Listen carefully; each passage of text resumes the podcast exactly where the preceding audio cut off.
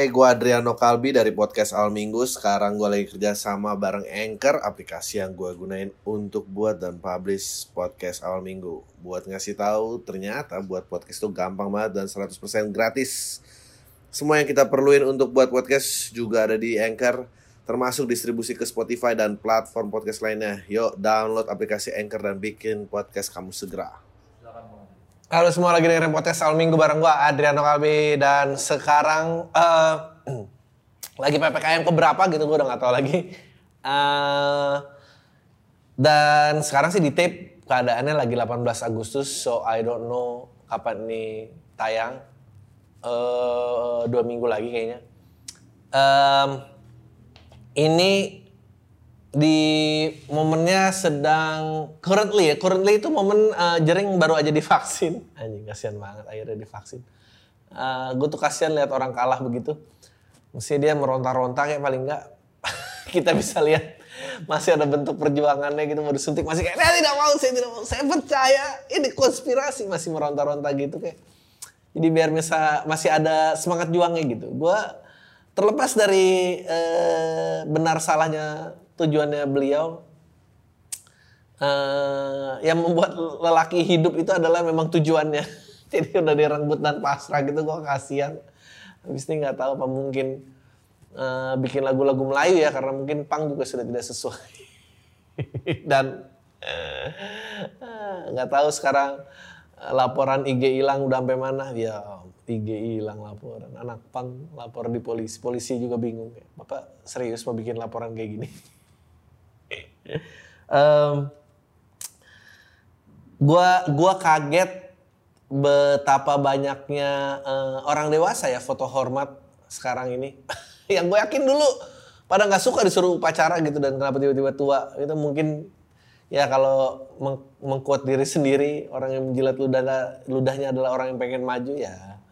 Apakah dengan menghormat bendera di umur 40-an itu menjadi eh, pribadi yang lebih baik juga? Kita belum tahu gue gak tahu karena gue sih gak akan ganti profile picture gue tiba-tiba pada hormat-hormat dan bendera kayak it, it- itu kerennya marketing menurut gue itu kerennya marketing karena apa pun kalau di market dengan baik ya bisa jadi keren gitu.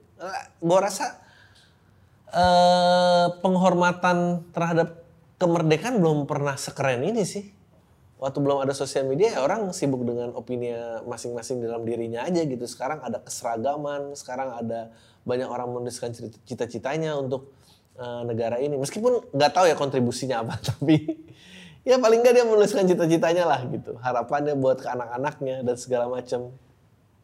Eh, ada juga yang mengambil stance eh, kritik terhadap pemerintahan, eh, terhadap kemerdekaan itu sendiri gitu. Malu kita menyebut sebagai bangsa yang merdeka karena pada kenyataannya kita masih masih banyak rakyat miskin yang perlu ditahu masih banyak pandemi yang tak kunjung usai lalala. Itu orang-orang yang yang nggak mau ikut senang aja dia. Jadi kalau ada yang senang-senang dia dia tetap sesuai isunya tapi dia ambil sisi sebaliknya. Sebetulnya itu adalah langkah yang baik eh, sebagai stand up comedian eh, melatih sudut pandang. Meskipun ya kalau lu udah berdamai sama diri sendiri mestinya tuh kayak anjir lu juga ngapain sih kayak begini gitu. Semua sih yang hormat ngapain, yang kritik ngapain. Kenapa nggak ya udah lewat aja gitu. Eh, gua akhirnya pasang bendera setelah disindir di grup WhatsApp RT. Tidak pasang bendera. Aduh. Emang ada isu-isu ini ya. Eh, separatisme kalau nggak pasang bendera. Gue mau promoin sih menurut gue kalian harus dengerin eh, podcast Harga Mati yang dibawakan oleh stand up comedian eh, Timur eh, Abdur, Ari dan Mamat Eh, karena Mamat dari Papua semua nanya, eh Mamat kalau di daerah kamu boleh teriak merdeka tidak? Terus karena kalau teriak merdeka dengan logat timur takutnya disangka separatis. Katanya Ari kalau mau teriak merdeka mungkin harus pakai H kali ya biar kayak orang Jawa merdeka. Anjing. biar disangka nggak mau pisah anjing. Anjing itu gue yang sebagai besar ya gue lahir dan besar di Jakarta Selatan gitu. Eh, bukannya self proclaim anak jaksel ya, emang emang faktanya meskipun gue tidak jaksel tapi ya itu adalah sisi yang nggak pernah gue denger dan itu lucu banget mereka mulai dari konflik tidak boleh membawa senjata tajam padahal bawa senjata tajam itu adalah adat ya ampun. Kesempatan bawa senjata tajamnya adalah pada saat pramuka ya pisau-pisau cetakan itu yang karatan. Um, kemarin uh, pemerintah sempat kayak orang-orang yang nggak mau uh, belum vaksin rumahnya mau ditandain belum vaksin. Terus jadi ada isu diskriminasi ya ampun. Dia emang harus diskriminasi mau gimana tandanya? Atau ya tandanya chipnya dinyalain dong anjing. Eh gini loh. Rumah kalau ditandain karena belum vaksin itu adalah bukti bahwa vaksin itu tidak ada chipnya. Kalau ada chipnya nggak usah ditandain rumahnya. Gimana sih? Itu memang sebetulnya adalah jawaban dari vaksin tidak ada chipnya karena rumah harus ditandain kalau belum vaksin. Kalau udah ada chipnya Iya gak usah ditandain lagi rumahnya udah tahu itu ada siapa aja yang belum vaksin loh. Orang-orang tuh e, berdebat apa sih sebetulnya? Masa lo nggak mau vaksin karena ada chip tapi ditandain rumahnya nggak mau karena itu bilangnya diskriminasi. Lah ini tandanya nggak ada chipnya gembel. Kalau kita gimana nyari orangnya? um, menurut gue sih itu ide yang bagus ya. ide yang bagus menurut gue ini lagi nggak usah pakai vaksin pakai itu aja. Yang di mall-mall yang di stikerin tuh kalau temperatur normal nah dia kita bikin stiker khusus yang tidak divaksin ditempel jadi tahu kita. Itu orang-orang yang harus kita jauhin dan anak-anak kita jangan sampai satu sekolah mana anak mereka? Karena di sini kan yang bikin repot. Gue ngerti sih vaksin tuh nggak vaksin tuh hak ya lo tapi kan repot kan Emang Anda nggak ke pasar? Pasar kan berbagi tempat sama orang lain. Kalau nggak dikasih tahu itu ya gimana? orang orang-orang ini bukan ngeledek orang-orang Alzheimer. Itu orang Alzheimer kan ada kayak pakai kaos atau pakai kayak kartu kalau dia hilang kartunya dikasih lihat ini Alzheimer tolong tuntun gua ke ini ya orang-orang yang nggak vaksin juga harus digituin. Um, gue nggak tahu sih kenapa orang nggak mau divaksin sih sejujurnya. Mungkin itu joke yang bagus. Itu cuma habis itu doang joke gue um, ada pesta prom night digelar anak di hotel mewah Makassar saat PPKM level 4 anjing. Ini ini kalau sekolah sama anak orang kaya tuh pasti begitu emang.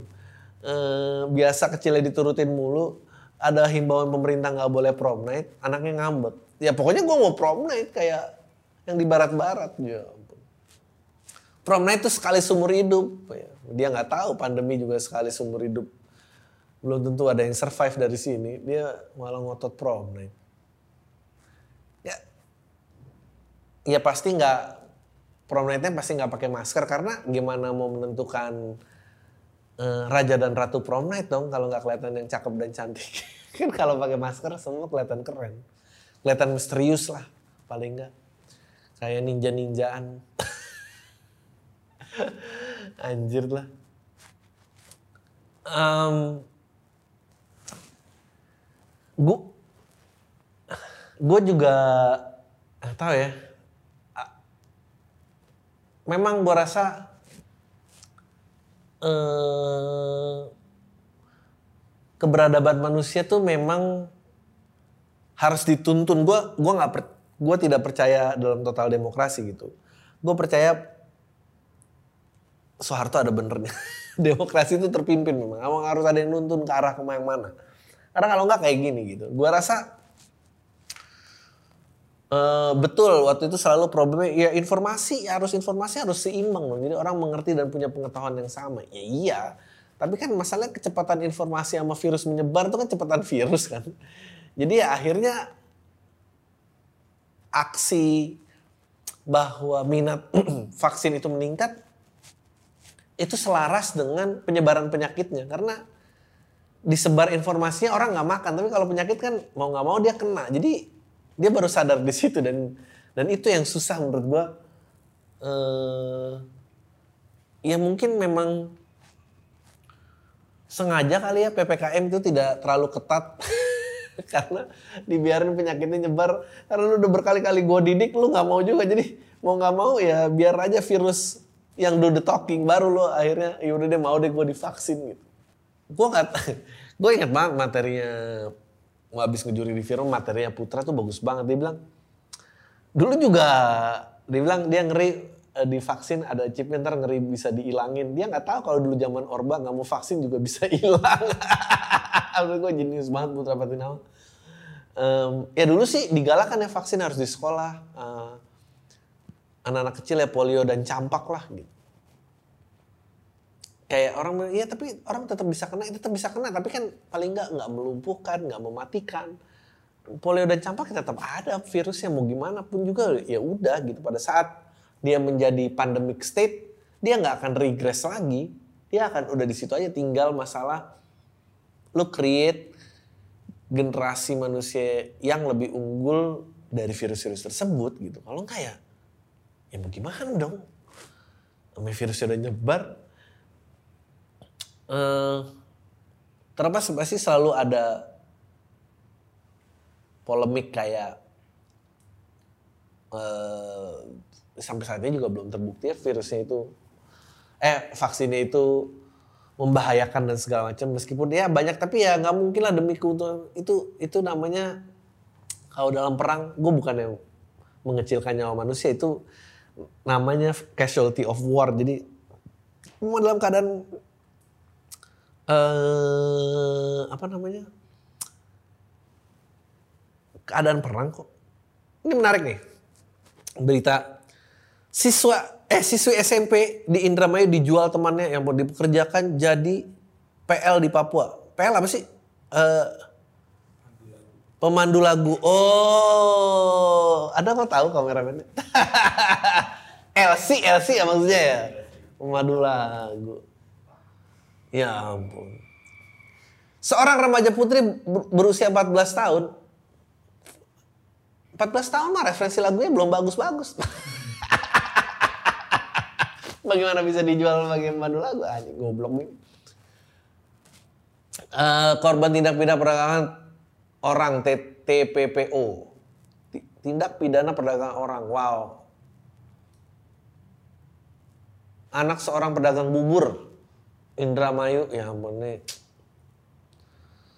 Dipekerjakan sebagai pemandu lagu.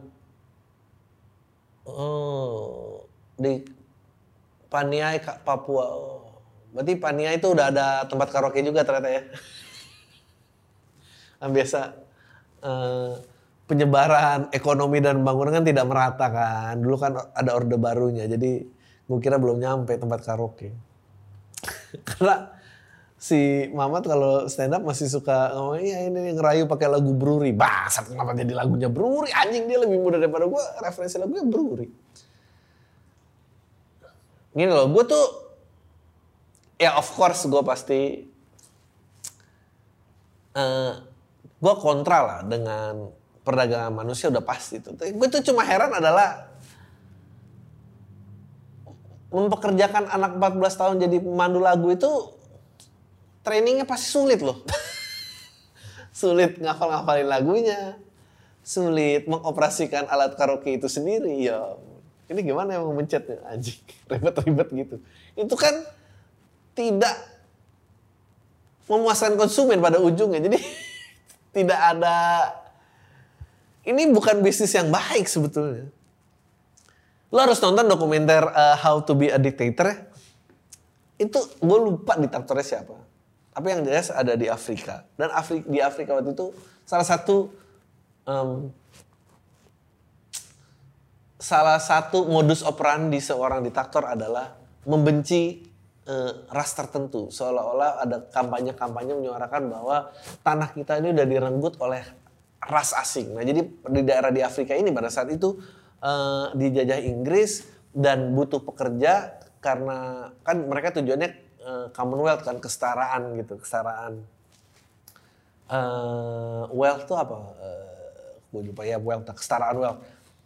Nah, pada saat orang Inggrisnya cabut, em, muncullah status quo baru. Nah, waktu orang Inggris untuk menyatakan kemakmuran, kemakmuran, dia mengundanglah orang-orang India sebagai pekerja. Inggrisnya cabut, India-Indianya stay, India stay.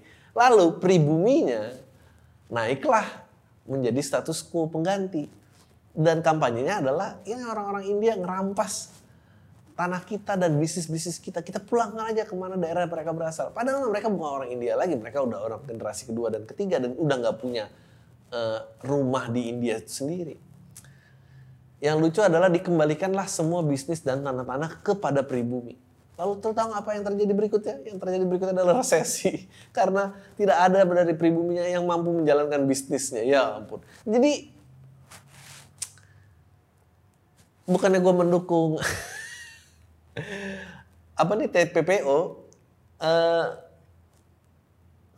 tapi ini sulit gitu. Kenapa nggak ambil orang yang memang misalnya eh, penyanyi-penyanyi yang nggak jadi gitu. Kan dia udah interestnya musik, uh, punya pengetahuan uh, musik yang lumayan dan udah ada di industrinya gitu. Jadi sebetulnya gue percaya kalau orang bilang oh lo menuhankannya duit sih, enggak tapi gue percaya dalam banyak derajat uang itu adalah jawabannya. Karena daripada oke okay, oke okay, gue ngambil yang muda harga murah oke. Okay. itu kan biaya training mahal mendingan biaya agak mahal. Tapi biaya training nggak ada. Lalu kesinambungan kepuasan pelanggan terjaga ya gue tuh harus ada seminar sama penjahat-penjahat mafia gitu menyerahkan bahwa the core of kenapa akhirnya kapitalisme itu menang dan komunisme itu kalah. Karena lo butuh kesinambungan, lo butuh inovasi terus-menerus. Nah, begitu kom komunis tuh karena butuh disetarakan semua, lo butuh pengendali di atas. Nah, pengendali di atas itu biasanya jadinya korup. Dan karena tidak ada persaingan dari bawah, inovasi itu jadi terhenti karena itu cuma dijalankan oleh otak pemimpinnya doang. Sebagai ide filosofi itu menarik, tapi sebagai implementasi itu sebetulnya sulit.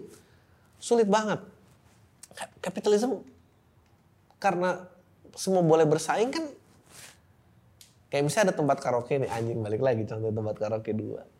Kalau ada tempat dua karaoke pasti lo banyak inovasi oh di sana milih lagu bisa pakai keyboard ah gue juga mau pakai keyboard nah, Andri kok tau banget tempat karaoke? Nah uh, di sana uh, servisnya seperti ini. Oh ada ada inspirasi tapi kalau tempat karaoke itu inisiasi pemerintah, ya pasti begitu-begitu saja dong. Tidak ada paling ya pembaruannya kalau lagi studi banding kan. Itu juga pasti tidak dicurahkan semua dana uh, hasil pembelajaran studi banding jadi makin hancur yang ada. Anjing sedih banget nih. Tapi gue mengutuk menurut gue there is an honor among criminals. Yang paling rendah di bawah adalah uh, pemerkosa, child molester, dan perdagangan orang. Yang lainnya tuh masih lebih bermartabat sebetulnya. Even maling aja lebih bermartabat daripada mereka. Uh, lucu banget. Baju dinas Louis Vuitton RP 675 juta dibatalkan ketua DPRD pakai kemeja lama. Ya. Gue gue nggak ngerti sih kayak how can this be an idea gitu. Maksudnya kan udah tahu lah pasti orang tuh marah kalau pakai merek aja Louis Vuitton gitu. Ya pakai kemeja lama aja emang kenapa? Emang lagi lebaran pakai kemeja baru.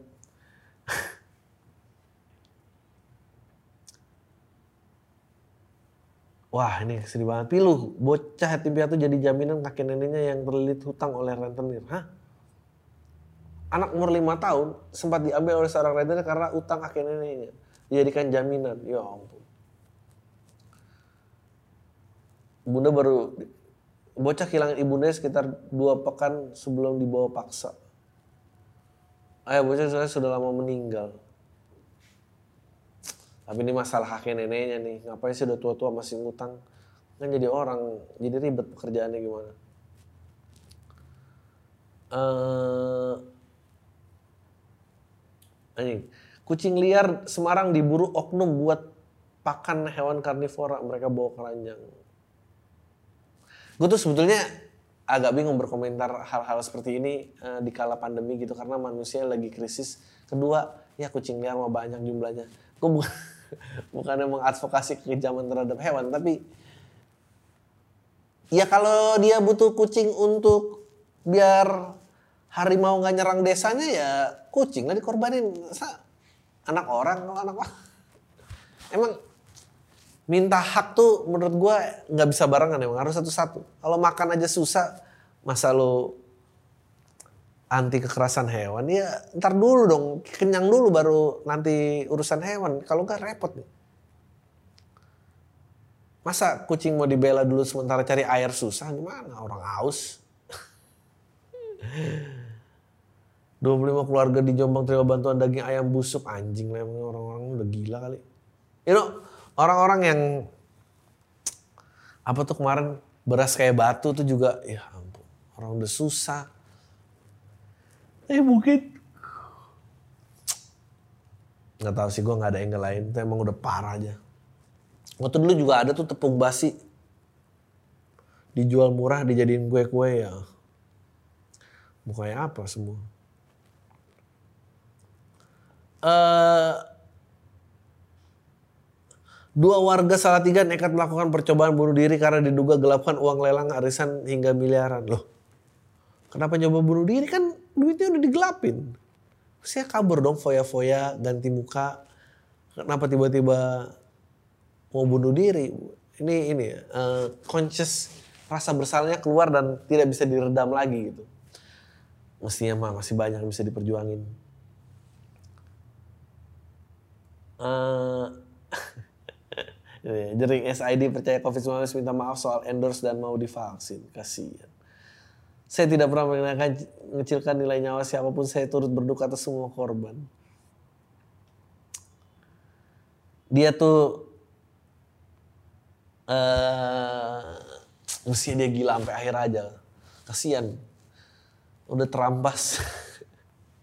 Hasratnya seperti ini juga berikutnya mau jadi apa? Nggak jadi apa-apa berikutnya apa pun yang dilakukan cuma menjadi bahan tertawaan doang. Ini susah nih comebacknya mungkin. Menjadi apa bener. Um, kritik Jokowi for over not found berjudul penghapusan mural mengapa kita tidak boleh protes. Ya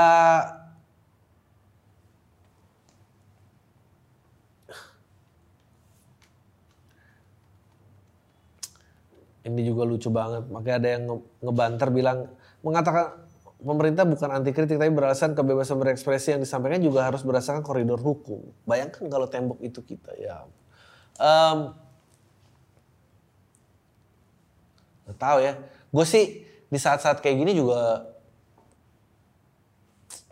itu susahnya mural sih. Menurut gue kenapa ada yang ngaku ya, kenapa ada yang cepuin itu ngelukis. Menurut gua kalau mau hapus ya hapus aja, jangan nyuruh orang yang bikin ngapus sendiri dong, brengsek banget.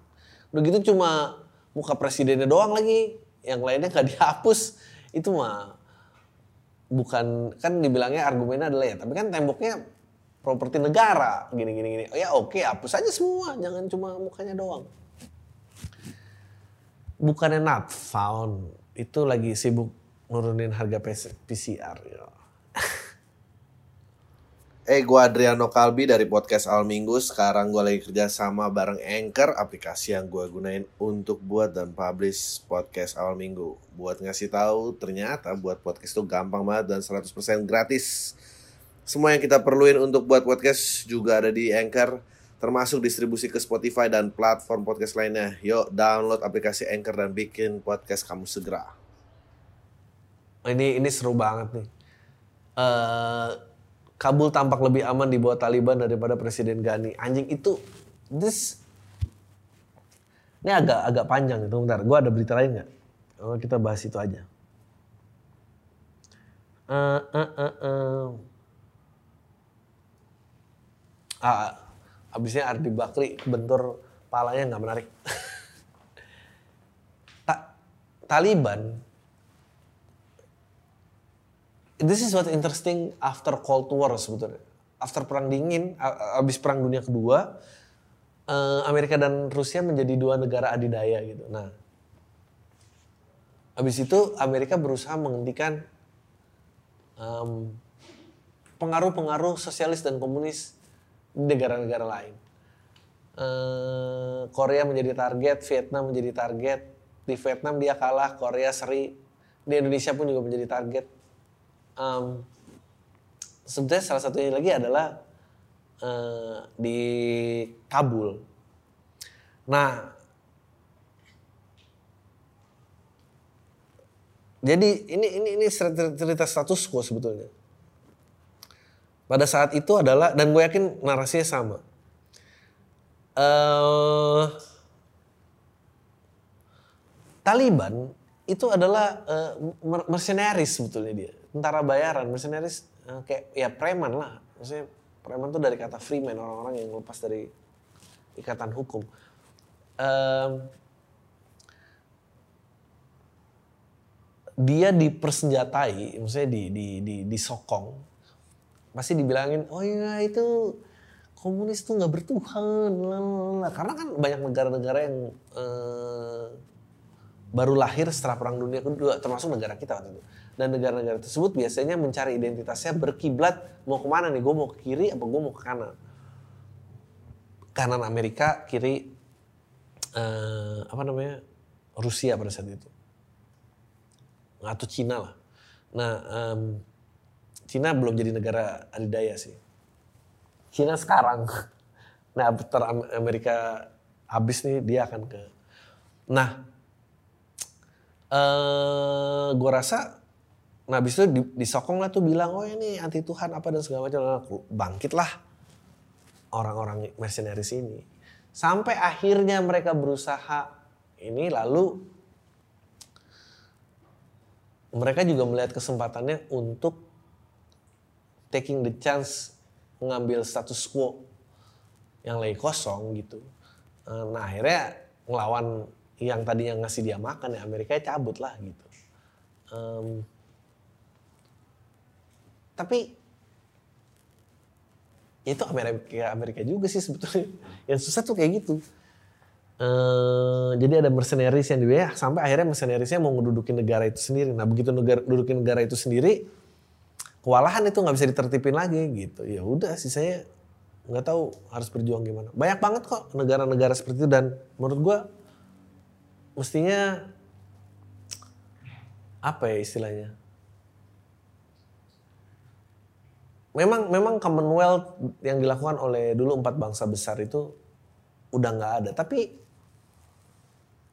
neg- negara yang baru lahir abis perang dunia kedua gitu, dia emang harus mencari identitasnya kedaulatannya mau kayak gimana. Dan eh, biasanya kalau mereka tersesat itu emang harus ada yang nuntun. Makanya dulu ceritanya ya Inggris juga berusaha melakukan itu. Sampai akhirnya mereka belajar bahwa oh ternyata nggak bisa deh. Belanda berusaha melakukan itu. Oh ternyata nggak bisa deh Eh, dia butuh waktu untuk em, ketemu akhirnya dia tuh siapa. Sama negara ini juga masih sangat muda.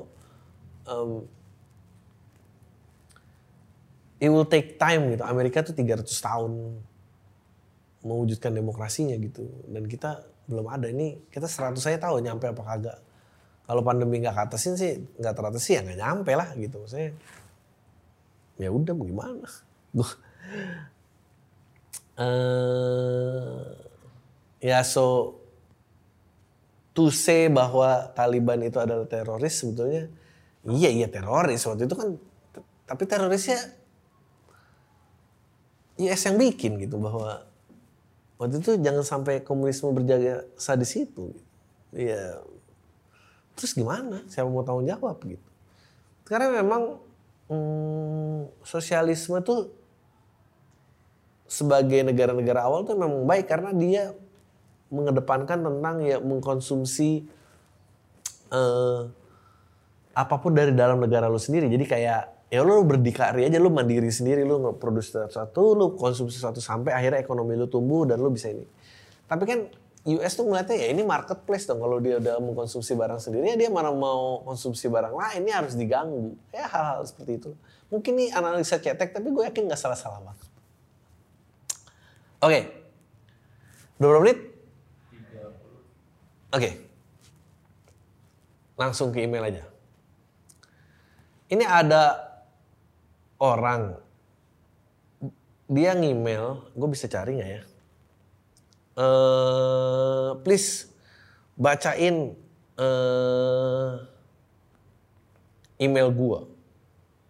Dia bilang eh apa ya? Buta temporer karena minuman.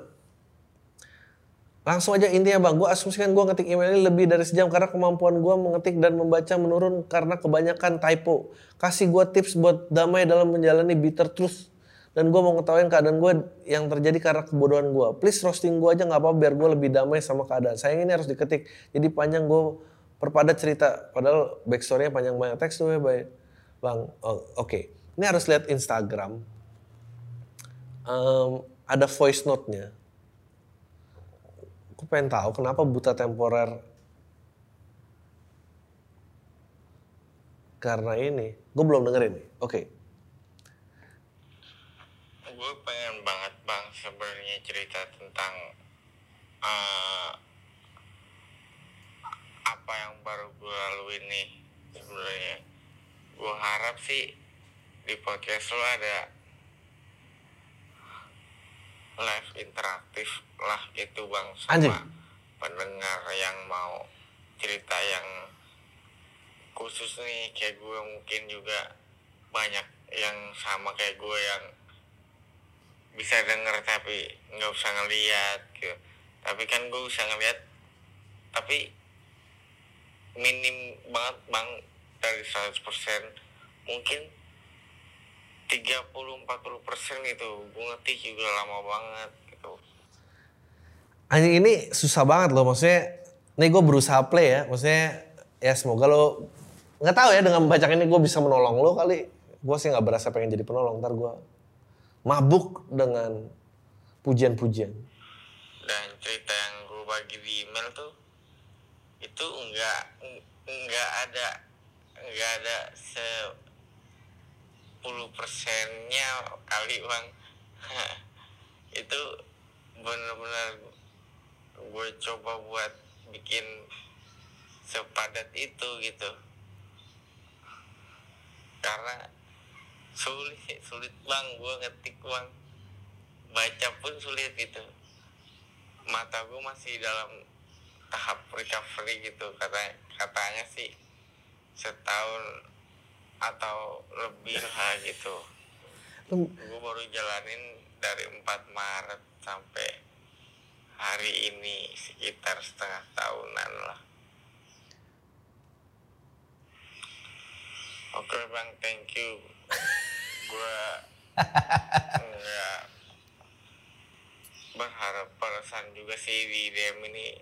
Cuman gue appreciate kalau lo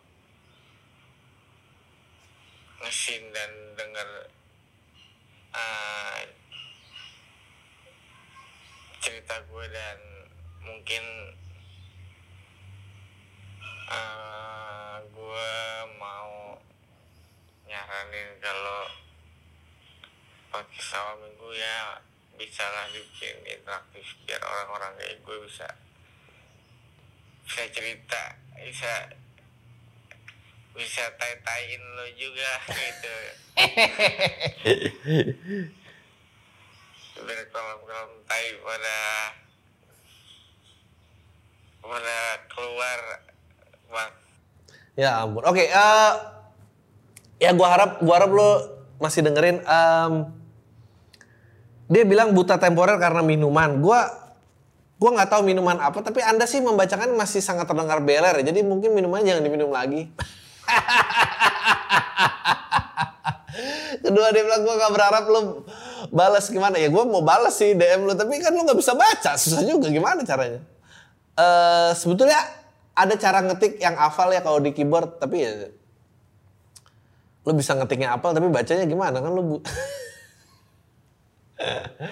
itu di keyboard kalau ada jendolan itu sebetulnya bukan salah keyboardnya tuh jendolannya itu Sebetulnya itu posisi jari telunjuk lo. Jadi kalau lo mau ngetik hafal, lo biasanya ngetik kalau pakai 10 jari, telunjuk lo ada di jendulan dua-duanya itu dan jari-jari yang lain berbaris di atas tuts yang lain. Nah, lo kalau ngetik apa pun berusaha gerakin. Ntar lama-lama lo hafal di mana A B C D E F G H I J K L M N O P Q itu lo hafal. Eh, tapi kan pasti lo semua ngetiknya karena dari handphone pasti semuanya jagonya 11 jari kan. Padahal tuh ada ilmu ngetiknya. Dulu gue masih belajarin itu. Anjing. Untung gue dulu belajar ngetik. Kalau enggak sih gue udah ketinggalan zaman. Terus sekarang nggak bisa ngetik. Eh, gue harap lo sempat sembuh. Eh, gue nggak tahu apa yang terjadi. Eh, kalau yang ngebayangin terapi terapi biar bisa ngeliat lagi tuh gimana di center centerin kelihatan nggak terang nggak terang nggak anjing dari tampol orang eh ya gue harap lu cepat berdamai gue nggak tahu gimana caranya berdamai kalau kehilangan penglihatan gue sih kalau kelihatan penglihatan sih gue berhenti podcast Eh, karena gue nggak ngerti juga cara berdamai Eh, lu cuma itu cuma lu yang tahu caranya. Eh, gue harap dengan baca ini ya lu terhibur lah. Coba itu coba minumnya jangan dipegang lagi. Suaranya masih beler banget. Boleh ditanya ini kayak bim bim slang tadi. Wah ini seru. Di prank hamil sama FWB-an oke. Anjing halo saya dulu saya dulu yang dibacakan ceritanya soal selingkuh sama adik pacar oke Makasih udah dibaca, saya senyum-senyum sendiri waktu dibaca. Semoga ceritanya masih juga dibaca. So here's the story. Saya dapat bawahan baru di tempat kerja. Orangnya seumuran sama saya. Lumayan gesit dalam bekerja dan tentunya lawan jenis. Dia jadi bawahan saya bukan karena saya lebih pengalaman, tapi karena privilege keluarga. Ya ampun. Gue suka nih orang-orang kayak gini. Lu jabatannya tinggi karena dibantu keluarga lu. Bagus. Setelah bekerja di proyek yang sama beberapa kali selama enam bulan, kami jadi lebih dekat dan dia suka cerita macam-macam. Ceri- sebenarnya ceritanya banyak yang menurut saya agak aneh. Seperti dia cerita mantannya pernah tidurin banyak cewek sebelum ketemu dia. Otomatis saya tanya dong, berarti kamu juga langsung ditepis sama dia? Katanya dia nggak pernah ngapa-ngapain, pegangan tangan aja nggak pernah. Well ini aneh menurut saya karena dia pacaran sama setahun. Masa pegangan tangannya nggak pernah? Apa cuma saya atau emang ini wajar? Kemudian dia juga sering cerita kalau keluarganya ada banyak aset. Ya sebenarnya ini cerita wajar. Cuma kadang dari ceritanya seakan-akan asetnya lebih banyak daripada keluarga saya. Padahal kan Padahal lu bosnya dia ya anjing. Eh, padahal juga ya kalau dia aset sebanyak itu harusnya ada privilege untuk kerja lebih baik, tapi dia kuliah saja tidak lulus. Ya ampun. Oke, saya skip banyak agak nggak panjang suatu waktu ngobrol di chat dia nyatakan suka sama saya dan makasih atas ucapannya tanpa bicara soal hubungan. Kemudian skip lah lama dia ajak ciuman katanya penasaran nggak pernah. Awalnya saya ketawain aja, tapi lama-lama godaan datang dan saya iyain. Skip lagi akhirnya kami jadi FWB-an tapi tidak pernah penetrasi seks. Selain soal hal-hal gitu kami saling perhatian dan suka curhat mirip kayak orang pacaran. Oke. Sewaktu-waktu dia dengan muka lemas katanya mau ngomong sesuatu tapi nggak bisa langsung chat nggak nggak bisa langsung chat aja. Setelah pulang kerja dia chat kalau dia hamil karena saya. Paniklah saya dan jadi bego. Ah. Saya sempat galau berhari-hari nggak enak nggak makan nggak enak makan nggak bisa tidur. Saya berusaha mencari tanya-tanya ke dia tapi dia nggak mau jawab. Dia jawab akan ngurus anaknya sendiri. Tentu saja saya sebagai cowok, saya utarakan saya mau tanggung jawab, tapi sama dia ditolak, ya ampun. Anjing aneh banget ini. Well, karena saya beneran percaya dan mau tanggung jawab, saya akhirnya cerita ke sahabat saya yang seorang dokter. Anjing. Lu selain anak orang kaya ternyata goblok juga ya, goblok. Setelah saya diceritakan semuanya, saya cuma dapat tertawa terbahak-bahak sama dia. Katanya saya nggak mungkin, saya mau aja dibegoin dan nggak mungkin hamil. Dari situ saya mikir, iya juga ya. Saya anak polos, orang nggak tahu edukasi seks. Belum puas dari situ saya coba konsul dokter kehamilan di Halodoc. Dan jawabannya sama, sama tidak mungkin hamil. Saya langsung sang lega dan berusaha menginterogasi dia mulai minta foto bukti kehamilannya dia alasan foto dia titip di temannya. Hah, iya kali hal seperti itu dititip ke temennya anjing. Kemudian dia ada waktu saya tanya dia tes di lab mana dia jawab ngasal tidak hafal dekat rumahnya. Pas saya tanya lebih detail gimana tesnya eh langsung marah dan dia nangis. Well saya di sini yakin sudah 90% saya dikerjain goblok. Dari awal juga udah 90% lo dikerjain. skip setelah seminggu eh, dari situ saya eh, lihat menjauh dia akhirnya chat saya menga- chat saya mengaku minta maaf tapi dia waktu itu iseng alasan kenapa gitu. Cuma tanya iseng ya ampun. Ditanya kenapa cuma jawabannya iseng. What the hell? Dia nggak lihat stresnya saya gimana berhari-hari. Biasanya dia perhatian ingetin makan dan lain-lain. Ternyata tega bikin diri saya stres dan gak bisa makan. Ya ini saya sharing juga terhadap pendengar pam yang lain-lain. Hati-hati sama minta pendapat bang Adri kenapa dia bisa ngelakuin itu dan sebaiknya saya ini ngapain? Saatnya jauhin dia aja ya. Makasih bang diketawain aja temen saya juga ketawanya keras banget sampai saya sadar goblok. Ya dijauhin aja lah menurut lu gimana? Oh, enggak menurut gua pecat aja sih dari kantor lo cuy. Pe- pecat cari yang lain. Dan eh, lo belajar lah masa lo edukasi seks? Ah, lo masa nggak ngerti sih apa yang menyebabkan hamil atau enggak? Ya dia kenapa melakukan itu ya karena mungkin dia mau dipacarin kali gue mana tahu. Atau emang nggak stabil aja mentalnya. Lebih besar yang nggak stabil sih ya dipecat aja orangnya diblok semua kontaknya kayak gitu mau mau ngapain lagi Oke, punya pacar masih ABG labil tapi sangean. Oke. Kenapa? gue tuh gue tuh bentar lagi bisa dipenjara loh baca-baca email kayak gini udah om-om masih dibaca. Oke, Bang, gue pendengar podcast lu Pam sama om-om dan Grace Soberi jujur awalnya gue tahu lu cuma stand up comedian yang materinya misu-misu ke orang-orang seumuran lu sendiri yaitu om-om dan tante brengsek. Materinya misu-misu ke orang-orang seumuran. Anjing lo ya. Eh bagus nih. Bener juga sih emang materinya bisa-bisa ke orang seumuran. Gue mau cerita bang, gue punya pacar. Nah pacar gue ini masih bocah umur 18 tahun. Dia orang dewasa ya, jadi gue bukan orang creepy ya. Dia pertama kali pacaran sama gue. Nah pertama kali nakal juga sama gue. Gak tahu kenapa gue mulai nyesel nyoba-nyoba berbuat hal-hal agak mesum ke dia. Karena akhir-akhir ini gue agak bingung karena gue udah nggak mau ngelakuin hal semacam itu ke dia. Cuma kalau sekedar kissing dan pelukan sih gue fine fine aja. Tapi kalau nggak mau lebih dari itu, gue ngerasa berdosa banget. Nah tiap gue nggak mau ngelakuin itu, dia malah goda terus sampai maksa. Ya ampun. Anjing gue mau baca. Gue pernah, aduh, pakai ngelus-ngelus dia megang-megang badannya sedih lalalala. Gue bingung antara gue suka ngelakuin itu, tapi gue gimana bang berdosa ya ampun. Saran lo gimana? Gue pasrah aja atau komitmen. Kecuali kita udah nikah. Ya udah lo lari aja sih menurut gue udah. Jangan men. Jangan men. Ah, ABG sih kalau udah nggak usah dibujuk emang banyakan dia yang mimpin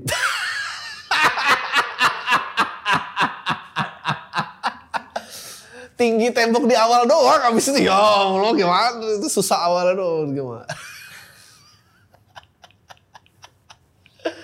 Ada gue tiga tujuh tahun masih bercanda kayak gini ya mau jadi apa gue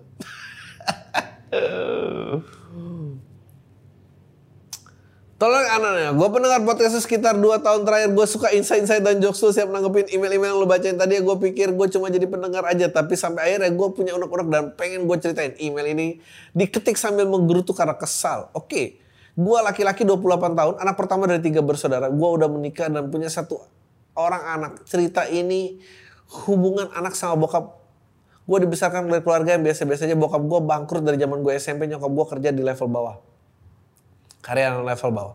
Long story short, kondisi keuangan bokap gue ini nggak berubah dari zaman gue SMP. Dia pemalas menurut gue. Bikin usaha apa pun dikerjain nggak fokus, co- coba usaha macam-macam tapi cepat nyerah ketika gagal. Beruntung dia nikah sama nyokap yang tetap mau kerja jadi karyawan buat backup ekonomi keluarga. Dari dulu gue sering berdebat sama bokap waktu dia banyak dihabisin depan HP, sharing info-info gak penting. Emang kalau pengangguran tuh banyak taunya emang. Orang sibuk kerja nggak ada waktu tipe om-om yang bikin lo pengen live grup keluarga. Gue sering tegur jangan main HP terus, penting waktu dipakai buat kerja, usaha apa kayak gitu. Tapi dia malah marah. Anggap gue nggak sopan. Karena ngatur-ngatur dia egonya gede banget. Banyak banget perbedaan gue yang sering bikin gue ribut sama bokap sampai terakhir dia marah karena gue tegur soal covid dia ke covid itu konspirasi dan nggak mau vaksin dia percaya sama dokter Louis bangsat Nyokap gue pensiun dini di awal pandemi kemarin sialnya dari dulu bokap gue punya prinsip kalau punya rezeki beli aja yang kamu mau uang jangan ditahan nanti juga ada lagi. Alhasil uang pensiun nyokap habis tanpa perencanaan ritual yang bagus ya ampun. Gue ngerasa banget jadi sandwich generation sekarang gue ikhlas dan gue selalu ngasih bokap gue minta uang sampai biaya kuliah dan kosan adik gue pun gue yang nanggung beda sama bokap gue selalu sisihin uang untuk ditabung dan berhemat. Gue kerja full time sama freelance. Siang malam gue putar otak usaha apa yang kira-kira bokap bisa kerjain.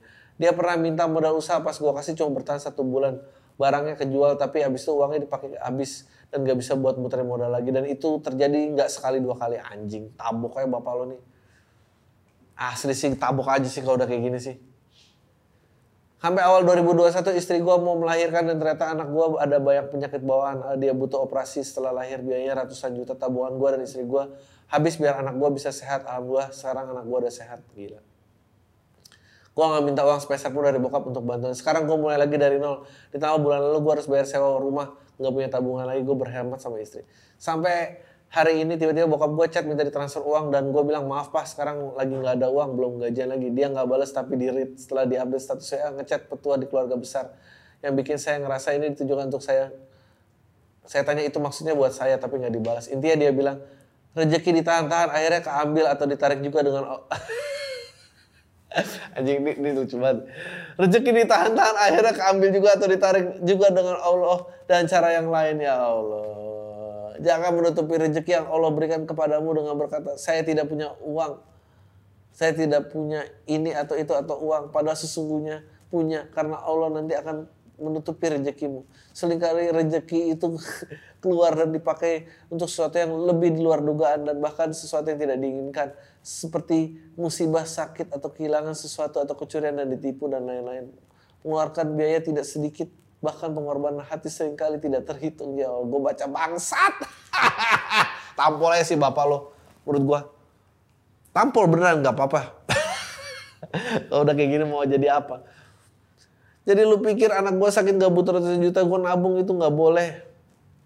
Kalau saat itu gue ikut prinsip bokap untuk ngabisin uang, anak gue tetap operasi. Mungkin anak gue sekarang udah gak ketolong. Anjing gue kesel banget. Iya, lu harus ngomong ini ke bokap lu. Lu ngerti gak? Tapi lu jangan emosi, lu ngomongnya dingin aja. Lalu saya harus apa? Gituin aja. Gue cuma bisa nahan marah sekarang bangsat. Gue kerja siang malam gue mikirin gimana cara punya usaha lagi. Gue kasih uang rutin. Tapi dan gue bener lagi gak ada dan gak bisa ngasih dia nyindir-nyindir nganggep gue pelit. Kalau mau jahat gue gak mau nolong lagi capek hati rasanya. Menurut bang gue harus tega bokap gue apa gimana? Kalau gue gak ngasih uang gak tega. Uh, kalau gue ngasih nyokap nyokap itu nurut banget sama bokap dan uangnya pasti ke bokap lagi nggak tau lah gue cuma ngeluarin unek-unek kayak thanks mau dibacain. Menurut gue lo harus ngomong sama bokap lo. Menurut gue lo harus dudukin bokap lo. Dan lo ngomong yang tenang dan lo gak boleh emosi. Lo harus dudukin. Lo harus bisa berkomunikasi seperti uh, anak yang istilahnya apa ya uh, ngomong sama anak kecil. Jadi lo harus treat dia kayak anak kecil. Jadi lo nggak boleh marahin anak kecil, lu jangan bentak-bentak tapi lu treat dia sebagai anak kecil sampai dia paham. Kalau dia nggak paham ya udah lu walk away aja. Kedua kalau lu bantu orang tua lu kayaknya jangan dikasih duit. Lu beliin aja apa butuhnya lu yang beliin. Uh, lu harus cari. Kalau nggak lu abis men. Abis men. Uh, ya mau gimana ya? Itu aja sih. Udah berapa menit? Oke okay, satu lagi lah Pacaran 9 tahun, ternyata nggak disetujuin bokapnya pacar. Oke. Okay. Halo bang, saya pendengar abang dari tahun 2018 di mana podcast abang ngomongin hal-hal kayak gimana cara menjadi diktator, Panama Papers dan lain-lain. Mantap. Jadi saya udah pacaran sama pacar saya ini dari SMA bang. Saya udah yakin banget sama dia, begitupun juga dia. Sampai-sampai keluarganya sudah tahu saya bang. Akhirnya baru-baru ini dia cerita kalau bapaknya ternyata kurang setuju sama saya karena ternyata calon suami kakak saya itu calon suami kakak saya itu masih ada hubungan dengan keluarga pacar saya. Hah? Di situ bapaknya pacar saya kurang setuju. Karena di situlah nanti silsilah keluarganya. Padahal yang duluan pacaran kan saya. saya sama pacar saya bang ketimbang kakak saya sama calon suaminya bang anjing lah. Saya minta saran bang, mending diudahin aja apa gimana? Anjing, ya lu dudukin lah bapak pacar lu sih. Kalau sama-sama yakin bang, kalau dijalin saya takut bang jadi nggak dosa. Emang Tanya aja emang Bapak perlu memperluas keluarga cakupannya seberapa luas kan harta juga nggak kayak kayak banget gak Menurut gue itu pemikiran em, keluarga-keluarga yang punya harta atau nama besar yang banyak dia pengen melebarkan itu selebar-lebarnya. Gua ngerti itu, itu dia concernnya kayak silsilah keluarga jadi nyambung ketemu lagi kan keluarga lo nggak berkembang, keluarga dia juga dua kali ketemu keluarga lo gitu. Feeling gua sih, feeling gua ya, ada yang ekonominya lebih rendah berusaha mencari peruntungan keluarga lawan lo atau keluarga lo dianggap lebih rendah daripada mereka. Kalau lebih kaya mah nggak ada yang peduli. Semua mau pasti kawin sama yang lebih kaya. Eh, apa lagi ya? Mungkin ini aja kali.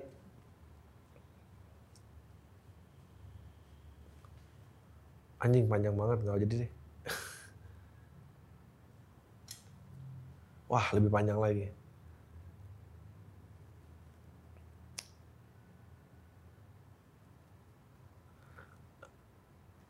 Oke, mencoba, oke. Mencoba nonton bokep buat menghilangkan overthinking. Anjing panjang banget bangsat. Assalamualaikum Bang Adri, Anda pendengar dari Solo. Ya Allah, lu kecanduan bokep. Pakai assalamualaikum lagi. Kuliah, bla bla bla bla bla, la trauma. Gue stres bang, oke. Jadi dia trauma dibentak-bentak sama pembimbing gara-gara kasih penjelasan yang bikin bingung. Di beberapa part skripsi gue ya ampun. Saat ini rasa itu trauma masih ada berat banget di otak. Gue stres banget bang, nggak tahu gimana mengontrol diri. Sekarang tidur jam tidur gue berantakan dan gampang sakit ya ampun. Oh ya gue ini terkenal alim di mata teman-teman kampus anjing. Oke, gue terkenal alim di mata kampus. Gue jadi pengurus bidang keagamaan organisasi mulai dari himpunan sampai lembaga tingkat universitas. Oke, Kayaknya teman-teman gue bakal kaget kalau ada yang tahu akhir ini sering nonton bokep, tapi untungnya gue nggak punya temen, jadi gue ngerasa temen gue sambil sekali mikir buat ngilangin candu ini bang. Gue jadi gue ngerasa aman sambil sekali mikir ngilangin candu ini. Tapi makin lama makin aneh bang. Tiap hari gue mikirnya cuma selangkangan doang. Ya ampun, beberapa kali. Bayangin enaknya kalau nyoba berhubungan intim beneran. Tiap lihat cewek di timeline gue pikiran ke mana-mana. Ya ampun. Cuma bahkan kadang cuma karena lagi lihat cewek cakep gue jadi birahi dan akhirnya buka bokep lagi ya ampun. Saking sering buka bokep di Twitter gue udah sampai hafal video mana yang udah gue tonton mana yang belum anjing. Gue oh ya gue cuma nonton bokep dari Twitter karena karena ada internet baik ya kalau browsing yang lain nggak bisa goblok. Gue akhirnya sadar nonton bokep ternyata nggak baik buat pelampiasan overthinking gue searching-searching dampak nonton bokep yang paling bilang dampaknya fatal ada salah satu dampak yang bikin bikin gue ngeri adalah bisa nurunin IQ hingga nggak percaya diri. Masalahnya gue nggak bisa berhenti. Sekarang gue tambah stres dampak-dampaknya dikit-dikit udah gue rasain. Pikiran tambah lemot dan gue nggak bisa ceritain runut ya mau nyusun kata-kata buat interview aja kayak ujian bikin esai goblok. Ya ampun goblok masih. Satu lagi gue tambah sedih gue punya cewek gue punya cewek idaman bang. Gue udah bertekad nggak mau merusak dia bahkan sejak dalam pikiran gue nanti gue ditakdirkan mau jadi halal aja. Ya masalahnya gue lihat cewek di timeline birahi gue ngerasa ya ampun. Gue bahkan sampai teriak-teriak dan pukul-pukul kepala gue bayangin yang aneh tentang doi. Fuck lah ya ampun. Jadi udah itu aja bang. Minta saran gimana biar nggak lemot ya minum vitamin yang banyak nggak deh Eh, apa tuh yang buat otak nggak deh Eh, sebetulnya sebetulnya solusinya gampang lari sih. Lu lari aja sampai lu capek dan gak, lu lari, lu baru boleh berhenti pada saat pikiran lu nggak bisa mikir apa-apa lagi. Sebelum pikiran lu masih berpikir, lu lari terus dan lu lakuin itu rutin. Semoga cepat sembuh. Udah ya, itu dari gua. Tai lu semua deh.